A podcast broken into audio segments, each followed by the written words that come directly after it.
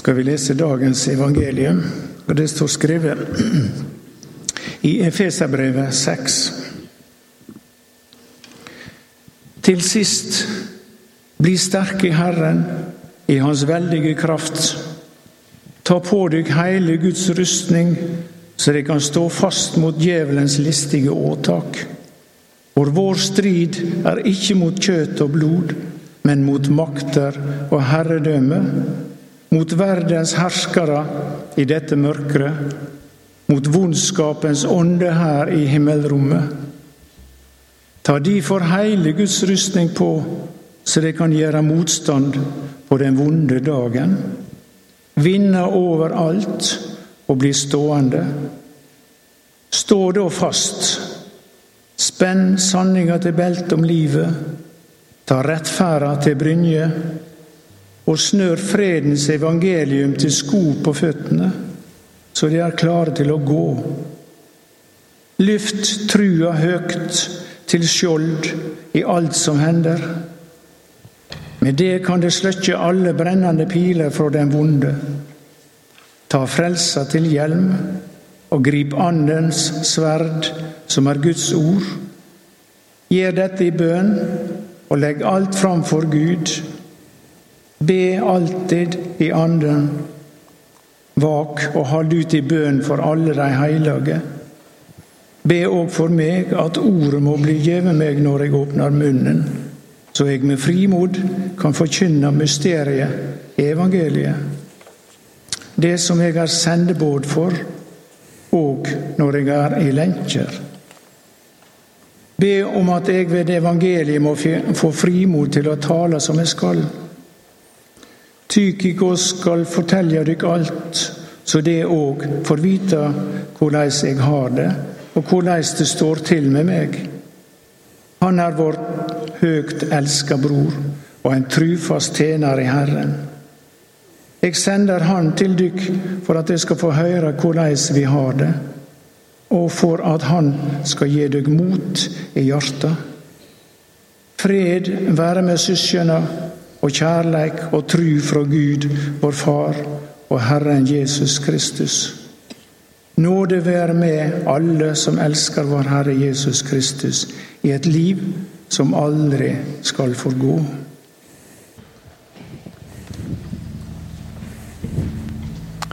Jeg har rett og slett glemt å trykke tekster på arket deres denne veka. Beklager det. Så Der står det tekster fra sist uke, så det går an å lese dem hvis dere vil. Men eh, i dag er det altså Efeserne 6 fra vers 10. Det er helt lov å ta opp en mobiltelefon hvis du har lyst til å ha Bibelen der. Eh, men dere hørte kanskje hva teksten handler om. Den handler om å kjempe mot djevelen. Så den begynner med 'bli sterke i Herren, i Hans veldige kraft'. Ta på dere hele Guds rustning, så du kan stå fast mot djevelens listige åtak. Og Det er kanskje litt flaut av og til å gå og tenke sånn. Det er iallfall en del folk som syns det. At når kristne begynner å snakke om djevelen og om det vonde, så får det litt sånn klamme hender og ja, litt tåpelig, kanskje. Men jeg tenker ikke at det er tåpelig. Paulus, som dere har hørt, tenker iallfall ikke at det er tåpelig. Og Det er gode grunner til det også også i dag, for at vi skal ta dette seriøst og bruke litt tid nå på å tenke gjennom hvordan kjempe oss mot det vonde. Hva, hvorfor er det et poeng i det hele tatt? Jeg tok og gravde opp et par sitat fra Først fra en amerikansk teolog som heter Tim Keller, som har et interessant poeng. Han sier at i Afrika, Latin-Amerika og Asia, altså de fleste plasser i verden, så er ideen om åndelig krig, en konflikt mellom det åndelig gode og det åndelig vonde, ikke et uvanlig konsept i det hele tatt. Mange folk i mange deler av verden tenker at det hjelper dem å forklare virkeligheten. Men det er for oss i den vestlige verden at det er fremmed. Og Så viser han videre til en eh, sekulær liberal professor Jeg synes dette var veldig interessant. Her er det en mann som er utdannet på Harvard, og han jobber i USA, i Columbia University, og er det oss ville kalt en liberal professor. Men hør, hør hva han sier om trua på det åndelig vonde. Han skriver et juv har åpna seg i vår kultur. Et skille mellom at det vonde er synlig, og de intellektuelle ressursene vi har til å takle det. Det at vi i Vesten har lagt vekk ideen om det kosmiske vonde, eller åndelig vondskap, eller overnaturlig vondskap Vi tror ikke på det. Og vi liker til og med ikke å bruke ordet vondskap, fordi det fører med seg konseptet rett og galt og moralsk tydelighet. Så i stedet så brukes medisinsk terminologi og snakker om dysfunksjon og snakker om patologi. Og vi bruker ikke moralske uttrykk. Men etter hvert som 1900-tallet er gått, så er det blitt vanskeligere og vanskeligere å si at holocaust og etnisk rensing og seriemord bare er dårlig psykologisk og sosiologisk tilpasning. Det er litt tett pakka. Han er, han er en professor, og professorer snakker sånn. Men det han prøver å si, er ja, det høres veldig fint ut å forklare Prøve å forklare vekk vondskapen med at å, han har det egentlig bare litt vanskelig med seg sjøl. Eller stakkar, han har hatt en veldig vanskelig oppvekst. Og det er derfor Hitler begikk alle de grusomme tingene. Men så sier han at det fungerer egentlig ikke. Det er et svar som kanskje ser fint ut på papiret, men det gjør seg veldig dårlig i virkeligheten. Og i møte med ondskapen så merker oss ganske fort at her er det et eller annet som ligger og lurer bak Vi skal ikke se vekk fra den menneskelige vondskapen og folk sine valg og sånn. Det er ikke det som er poenget. Men det er et eller annet større. Og Det er det Paulus tar opp i dette eh, avsnittet her. Han sier at for vår strid er ikke mot kjøtt og blod. Altså, den er ikke bare mot kjøtt og blod, men mot makter og herredømme, mot verdens herskere i dette mørket, mot vondskapens ånde her i himmelrommet. Så Paulus sier oss har en ganske alvorlig motstander her. Eh, oss møter på åndelig vondskap. Og sliter kanskje litt med å forklare det av og til. Men derfor er det veldig interessant å se hva Paulus foreslår som motkraft. Hva er det han skal svare med? Og Det han svarer med, er kanskje en av de mest kjente delene av Efeserbrevet. Han foreslår Guds fulle rustning, som han sier i vers 13. Ta de for hele Guds rustning på, så det kan gjøre motstand på den vonde dagen, og vinne over alt og bli stående. Så Paulus har denne lista med ting. og det, Hvis dere husker fra tidligere i brevet, så sa han i kapittel 4, vers 24.: Kle dere i det nye mennesket som er skapt etter Guds bilde, i et liv i rettferd og helligdom i samsvar med sanninga. Nå konkretiserer han det. Så Det å kle seg i det nye mennesket er kanskje et litt mer abstrakt og mjukere bilde på det han kommer nå. Veldig konkret. Han gir oss spesifikke eksempel på hva det vil si å kle seg i det nye mennesket, og at det egentlig er måten vi møter det vonde med. Så du har den lista, ikke sant? Spenn sanninga til beltet om livet. Ta rettferda til Brynje. Han, det er litt vanskelig å si hvor han henter inspirasjon fra. Noen sier at siden Paulus sitter i fengsel, så kan det hende han bare ser bort på en soldat som står ved siden av. Eh, og noen sier at det kan hende han er inspirert av eh, metaforer i Gamle testamentet, for nesten alle disse kommer opp i Gamle testamentet. Det er ikke så veldig viktig, egentlig. For å forstå poenget hans. Hvordan kjempe oss mot det vonde? Sanning, rettferd, fredens evangelium, trua, Guds ord osv. Og Det er en ting som bør slå oss med, med den lista. den er utrolig vanlig. Det er ingenting der som er 100 mil vekke fra det å snakke om her søndag etter søndag etter søndag. Og Det bør være et ganske oppmuntrende poeng. Vi kjemper ikke mot det vonde med å ignorere det, som vi snakket om i stad. Men vi kjemper heller ikke mot det vonde med en slags spesiell interesse i det, eller en eh, slags merkelig tone. Oh, det fins så masse vondt i verden. Og plutselig er det det eneste vi skal snakke om. Vi kjemper mot det vonde med det gode. Eh, C.S. Lewis, professor ved Oxford i England, han er død nå, men han har skrevet Narnia-bøkene bl.a. Han sier dette på en veldig fin måte.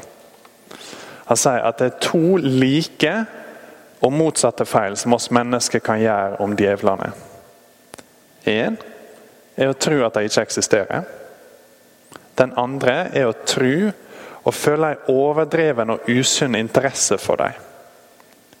De sjøl er like fornøyd med begge feilene og hilser en materialist og en magiker med samme glede. Er ikke det ganske interessant?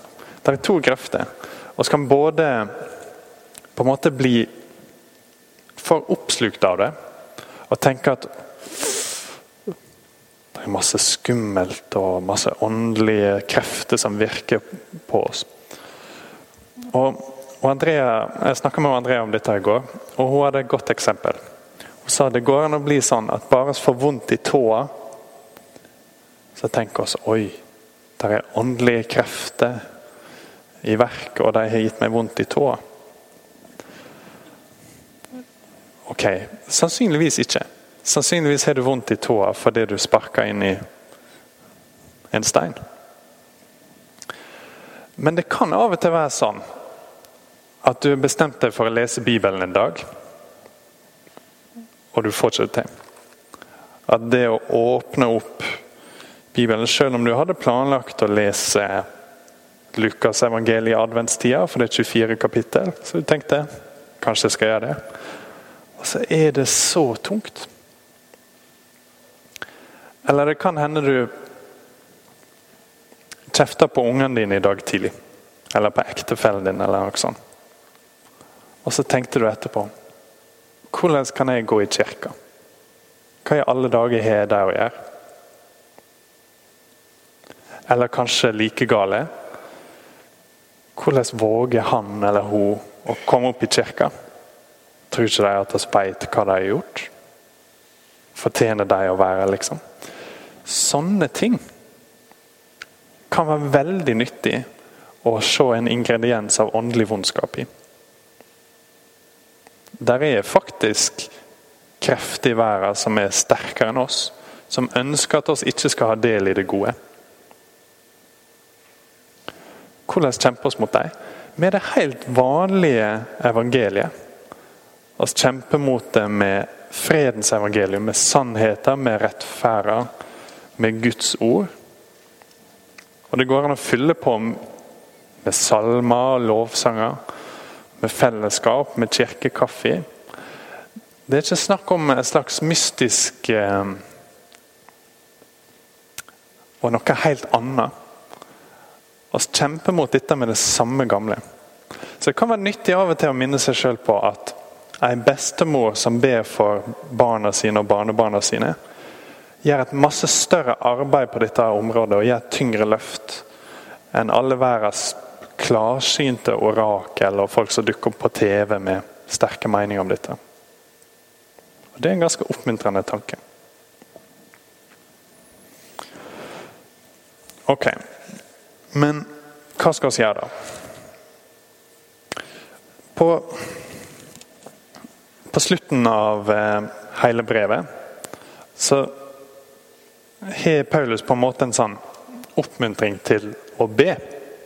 Han sier Etter den lange lista med, med rustningen, så sier han Gjør dette i bønn og legg alt framfor Gud. Be alltid i anden. våk, hold ut i bønn for alle hellige. Og nå, Jeg tror ikke det er enda et punkt på lista. At sånn Ok, rustning. Du må ha en hjelm, du må ha sko, sånn sånn, og så må du også be. Jeg tror han mener at måten vi gjør disse tingene på, er i bønn. Det gir veldig mening. For hvor er det egentlig å hente ressursene til å møte det vonde? Det er Jesus. Jesus Kristus har vunnet over det vonde. Og oss feirer det nå med advent, at vi venter på første juledag. At vi skal huske på å ha sin inkarnasjon, at han kom. Vi feirer det i påska, ikke sant? For det er i Jesus at vi finner det vi trenger for å møte det vonde. Det gjelder både den vondskapen som kanskje er utenfor vår kontroll, og utenfor oss, men også den som er inni oss.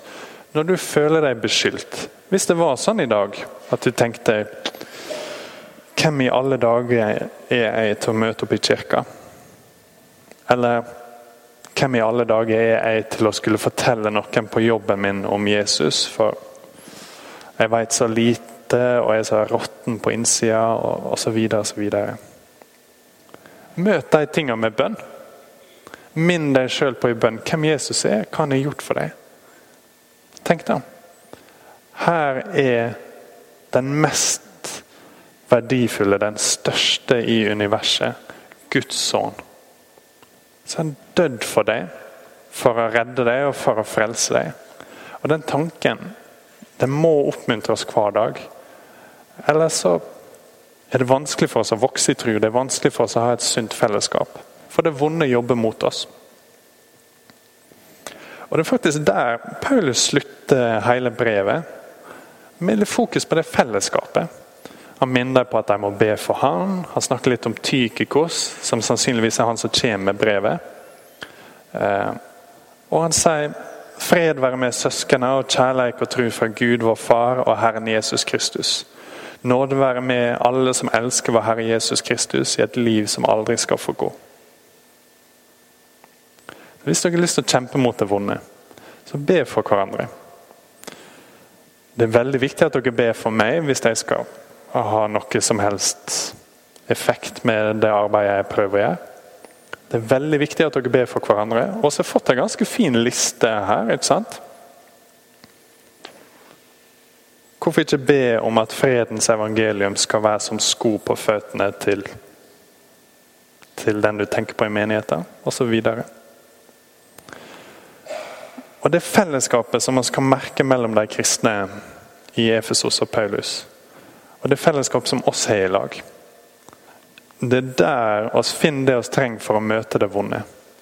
Fellesskapet vårt med Jesus og fellesskapet vårt med hverandre. Så helt kort, hva har sett?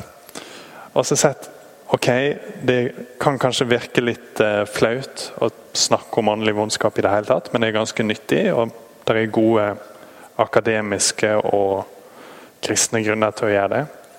Og faktisk så er det den vanlige trua vår på Jesus som er det å møte det vonde med. Og fellesskapet vårt. Så skal vi be i lag. Kjære far, oss ber om at din fulle rustning skal være det som beskytter oss. At trua vår på Jesus og fellesskapet vårt med hverandre kan styrke oss til å leve et liv som ærer deg. Amen.